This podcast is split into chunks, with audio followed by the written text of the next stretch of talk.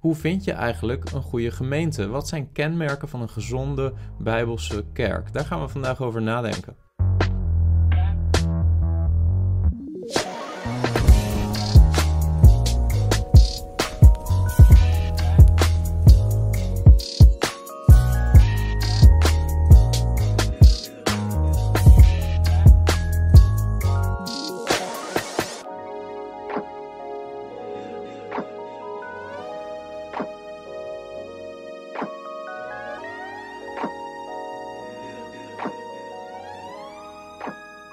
Mark Dever is een christelijke kerkleider of voorganger uh, in Capitol Hill Baptist Church in Washington, D.C. En hij heeft in 1998 een organisatie opgestart genaamd de Center for Church Reform, oftewel het Centrum voor Reformatie van de Kerk. Deze organisatie werd opgericht vanuit het verlangen om in de Verenigde Staten meer bijbelse kerken te zien. In 2004 publiceerde Mark Dever het boek Nine Marks of a Healthy Church, oftewel negen kenmerken van een gezonde gemeente. Um, en inmiddels is de organisatie, de Center for Church Reform, hernoemd tot Nine Marks. En is deze organisatie ook wereldwijd actief. Je hebt ongetwijfeld wel eens gehoord van Nine Marks. Ik ben ervan overtuigd dat de negen kenmerken die Mark Dever benoemt in zijn boek een goede leidraad zijn om een goede gemeente te vinden, maar ook voor jou als je kerkleider bent om te toetsen in hoeverre je eigen gemeente bijbels is. En daarom leek het me goed om eens de kenmerken die Mark Dever in zijn boek benoemt met je door te lopen.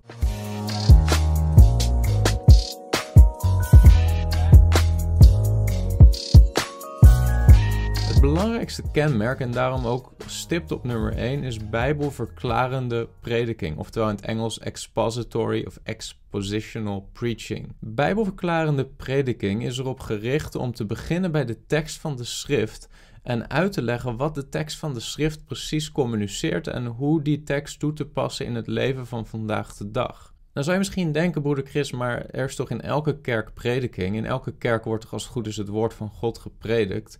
Uh, ja, dat is misschien wel wat je zou verwachten, maar dat is niet de realiteit in elke kerk.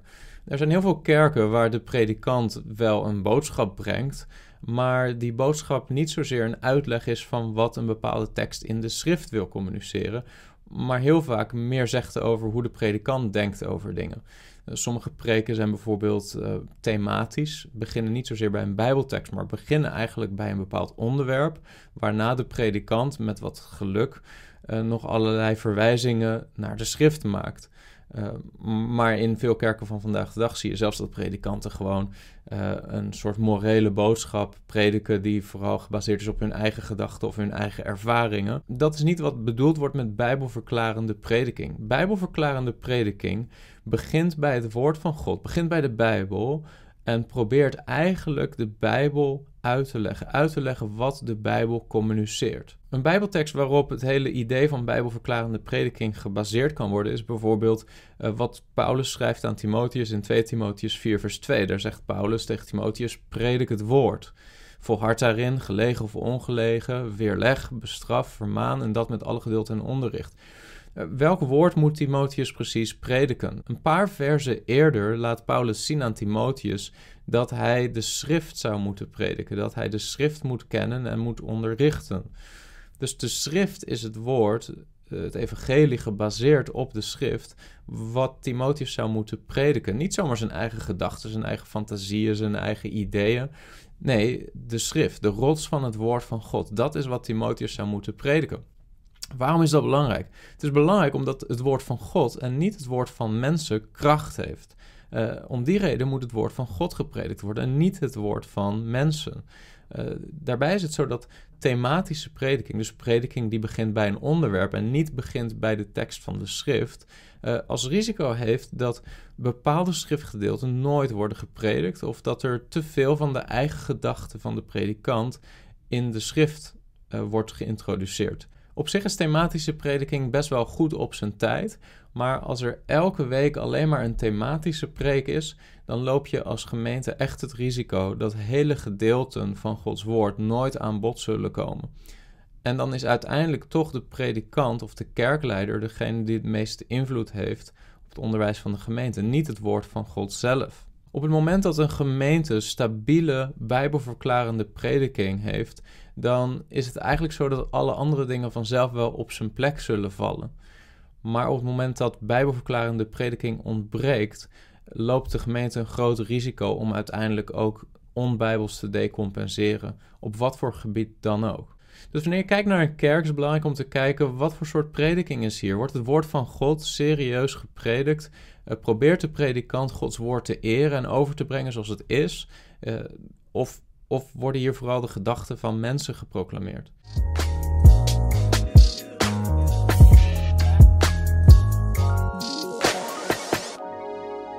Een tweede belangrijk kenmerk van een gezonde gemeente volgens Mark Dever is bijbelse theologie. Wat is bijbelse theologie?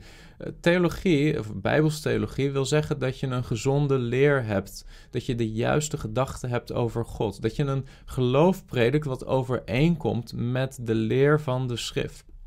Dat is belangrijk, omdat bijvoorbeeld Paulus zegt in 1 Timotheus 4, vers 16: Geef acht op uzelf en op de leer. Volhard daarin, want wanneer u dat doet, zult u zowel uzelf behouden als hen die u horen brieven zoals de Romeinenbrief of de Efezebrief en de eerste hoofdstukken van die brieven zitten vol met onderwijs omtrent wat bijbelse leer is, wat, wat bijbelse theologie is, hoe, hoe je God zou moeten zien, wie God is en wat God heeft gedaan. En een bijbelse theologie is een heel belangrijk kenmerk van een gezonde gemeente.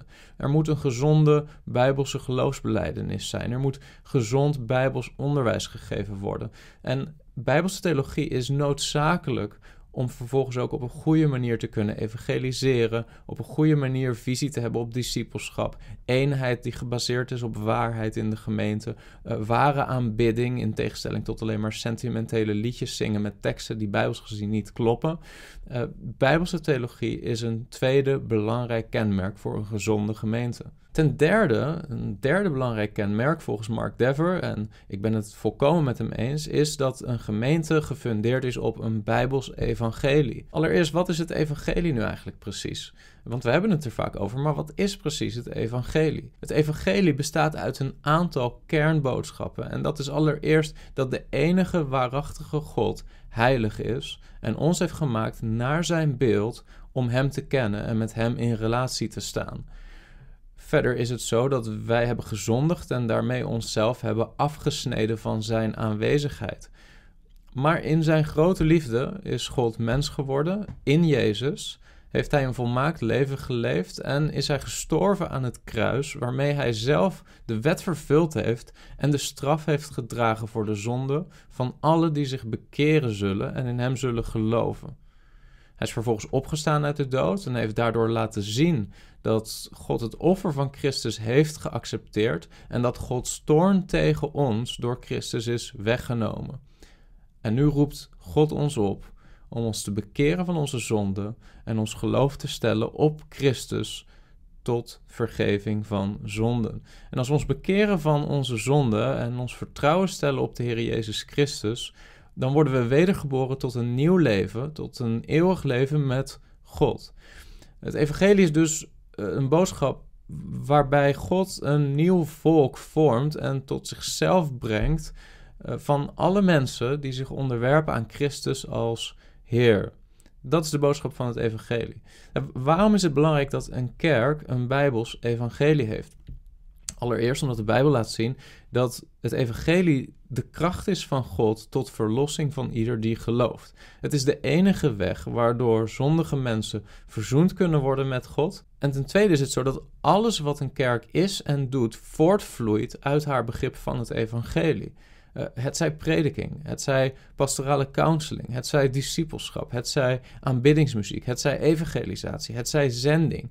Uh, alle verschillende activiteiten van de kerk vloeit voort uit het begrip van het evangelie.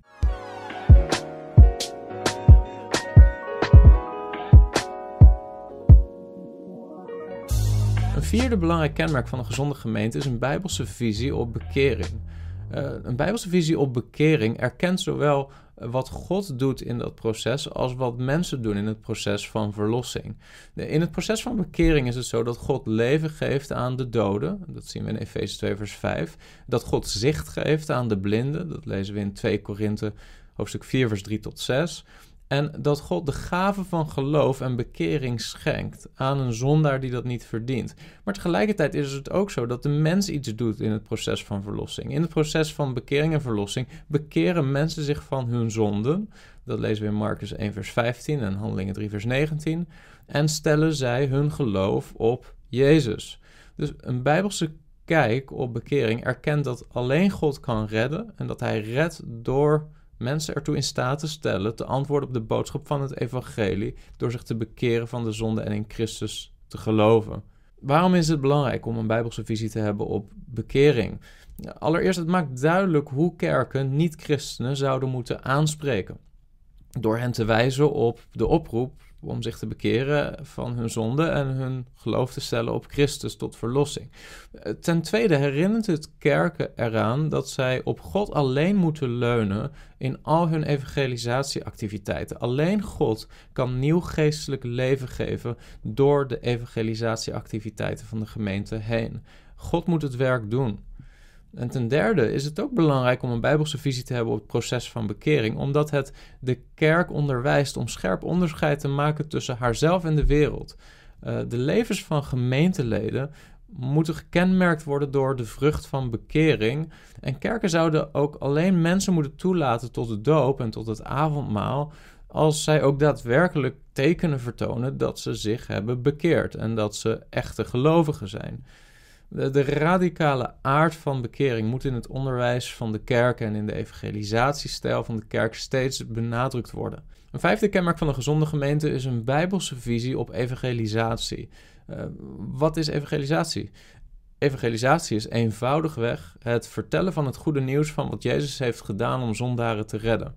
En daarbij moeten we mensen opdragen om zich te bekeren en in Christus te geloven. Om op een bijbelse wijze te evangeliseren moet je allereerst het hele evangelie prediken, inclusief de harde boodschap over Gods oordeel over onze zonde. Uh, ten tweede, mensen oproepen om zich te bekeren van hun zonde en in Christus te geloven. En ten derde, duidelijk maken dat in Christus geloven je uiteindelijk alles zal kosten, maar dat dat het meer dan waard is. Waarom is dat belangrijk? Wanneer een kerk een onbijbels begrip heeft van het evangelie, dan evangeliseren ze niet of ze evangeliseren op een misleidende of manipulatieve manier. Of ze delen een boodschap die niet het evangelie is. Eh, simpelweg zeggen tegen mensen God houdt van jou is niet het evangelie prediken.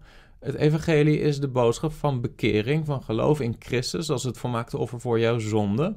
Uh, het is de boodschap die zegt: het kost je alles om de Heer Jezus te volgen. Uh, simpelweg zeggen: God houdt van jou, volstaat niet. Dat is niet het Evangelie. Een Bijbels begrip van het Evangelie maakt verder duidelijk wat de taak is van de kerk in de wereld. Het is de taak van de kerk in de wereld om het goede nieuws te prediken van wat Christus gedaan heeft en te bidden dat God mensen ertoe zal brengen om het te geloven.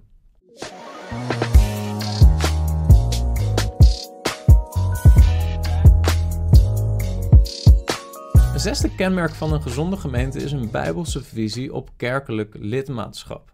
Uh, wat is dat? De Bijbel maakt duidelijk dat elke christen lid zou moeten zijn van een lokale gemeente en in die context aanwezig moet zijn met enige regelmaat om medegelovigen lief te hebben, te dienen, om zich aan elkaar te onderwerpen. Uh, dat zie je op verschillende plekken in de Bijbel, zoals we ook vorige week hebben gezien. Maar je ziet het bijvoorbeeld ook in 1 Korinthe 5, vers 12 tot 13. Daar zegt Paulus: Het is toch niet aan mij om hen die buiten zijn te oordelen. Oordeelt u immers niet alleen hen die binnen zijn, maar hen die buiten zijn, oordeelt God en doe de kwaaddoener uit uw midden weg. Dus er zijn mensen die binnen zijn, er zijn mensen die buiten zijn. En het is vrij duidelijk voor de mensen in de Korinthe gemeente wie wie zijn. Uh, dat heeft te maken met kerkelijk lidmaatschap, heeft te maken met onderdeel zijn van een lokale gemeente. Waarom is dat belangrijk? Het is belangrijk omdat de gemeente het getuigenis van God laat klinken in de wereld. En uh, de gemeente laat de heerlijkheid van God zien. Uh, Niet-gelovigen zouden in de leden van een lokale gemeente veranderde levens moeten zien. Dat God heilig is en dat hij genadig is en dat zijn evangelie krachtig is om zondaren te redden en ook te veranderen. Uh, en kerkelijk lidmaatschap heeft de functie om dat te laten zien aan de mensen in de wereld om de gemeente heen.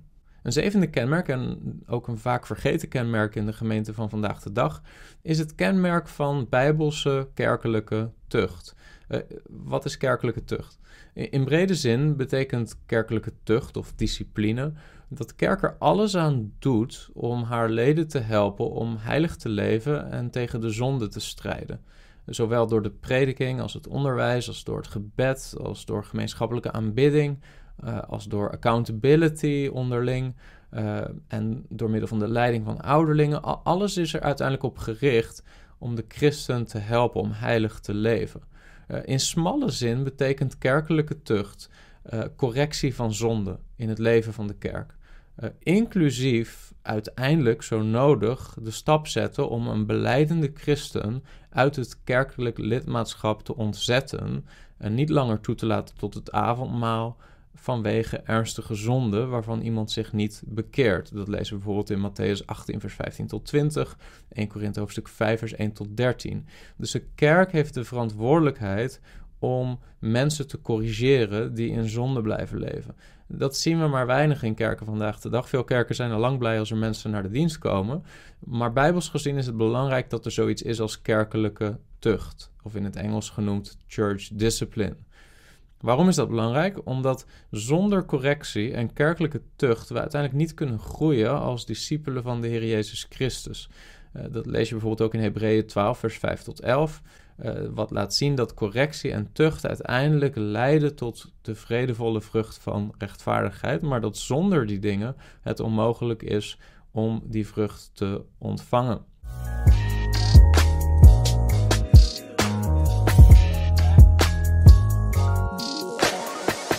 Een achtste kenmerk is de zorg voor discipelschap en geestelijke groei. Uh, wat is dat? Nou, de Bijbel leert dat uh, een levende christen ook een groeiende christen moet zijn in geestelijk opzicht. Uh, dat lezen we bijvoorbeeld in 2 Petrus hoofdstuk 1, vers 8 tot 10. Uh, maar de schrift laat zien dat we niet alleen maar groeien door onderwijs, door prediking van Gods woord, maar ook door navolging van goddelijke voorbeelden, van andere mensen om ons heen die al wat verder zijn in hun groei en in hun wandel met Christus. Dat lezen we bijvoorbeeld in 1 Korinthe 4, vers 15 tot 16. Daar zegt Paulus: Want al had u 10.000 leermeesters in Christus, daarmee hebt u nog niet vele vaders. In Christus Jezus heb ik u immers door het evangelie verwekt. Ik roep u er dus toe op, word mijn navolgers. Dus Paulus zegt tegen de gelovigen in de Korinthe gemeente: Volg mijn voorbeeld na. Dat heeft te maken met discipelschap. En in Hebreeën 13, vers 7.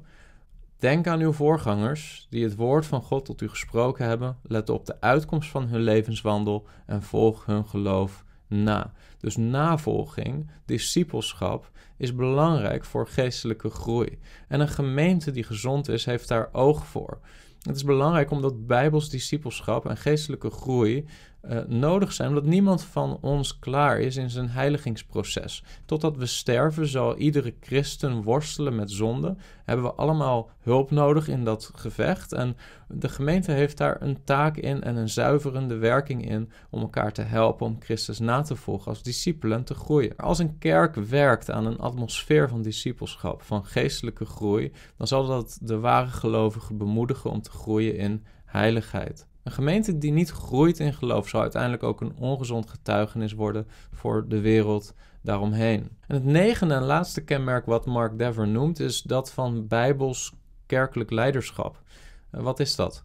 Nou, de Bijbel laat zien dat elke lokale gemeente geleid moet worden door meerdere godvruchtige, gekwalificeerde mannen, genaamd ouderlingen. En de Bijbel laat zien, bijvoorbeeld in 1 Timotheus hoofdstuk 3 en Titus hoofdstuk 1, wat de kenmerken zouden moeten zijn van zulke mannen. Wat criteria zijn om zulke mannen aan te stellen. En er zijn ook teksten in de Bijbel die laten zien dat een lokale gemeente geleid zou moeten worden door meerdere ouderlingen. Niet door eentje, maar door meerdere.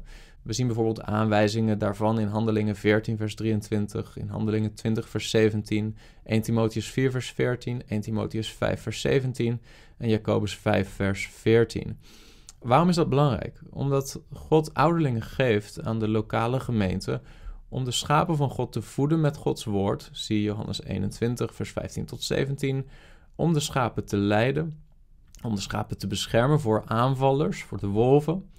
Um, en terwijl zij zichzelf en de gemeente beschermen, uh, doen ze dat het best wanneer ze dat samen doen. Wanneer er meerdere ouderlingen zijn, zodat er ook meer wijsheid is, zodat ze elkaar kunnen corrigeren. Als één misschien ergens dwaalt of iets verkeerd ziet, dan kunnen de andere ouderlingen die persoon terechtwijzen. Uh, conclusie: uh, Bijbels leiderschap is belangrijk omdat zonder Bijbels leiderschap het volk van God is zoals een kudde schapen zonder herder.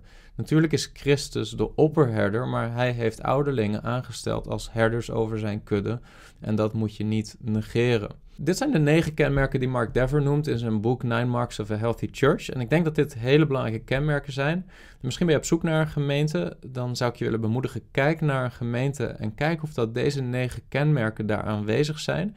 Maar misschien ben je niet op zoek naar een gemeente, zit je in een gemeente of ben je zelfs een kerkleider, een ouderling. Dan wil ik je uitdagen, toets jouw gemeente aan de hand van deze negen kenmerken. En als je misschien op een van die kenmerken of meerdere van die kenmerken ziet dat je gemeente tekortschiet, wil ik je bemoedigen, probeer daarin te groeien. Probeer die kenmerken toch kenmerken te laten worden van de gemeente waar jij mag dienen. Als bijvoorbeeld de prediking nogal thematisch is en nogal gaat over bepaalde onderwerpen, uh, maar niet zozeer bijbelverklarend is, zou ik je willen uitdagen om de Bijbel eens te gaan prediken. Om gewoon een heel boek door te prediken in een bepaalde periode, zodat je je gemeente meeneemt in wat de Bijbel daadwerkelijk onderwijst. En dan zal je zien dat het woord van God kracht heeft om levens te veranderen. Er zijn ook andere belangrijke kenmerken van gezonde gemeente in mijn ogen. En eh, die heeft Mark Dever denk ik niet allemaal genoemd. Uh, maar Nijnmarks noemt ook wel het gebedsleven van de gemeente.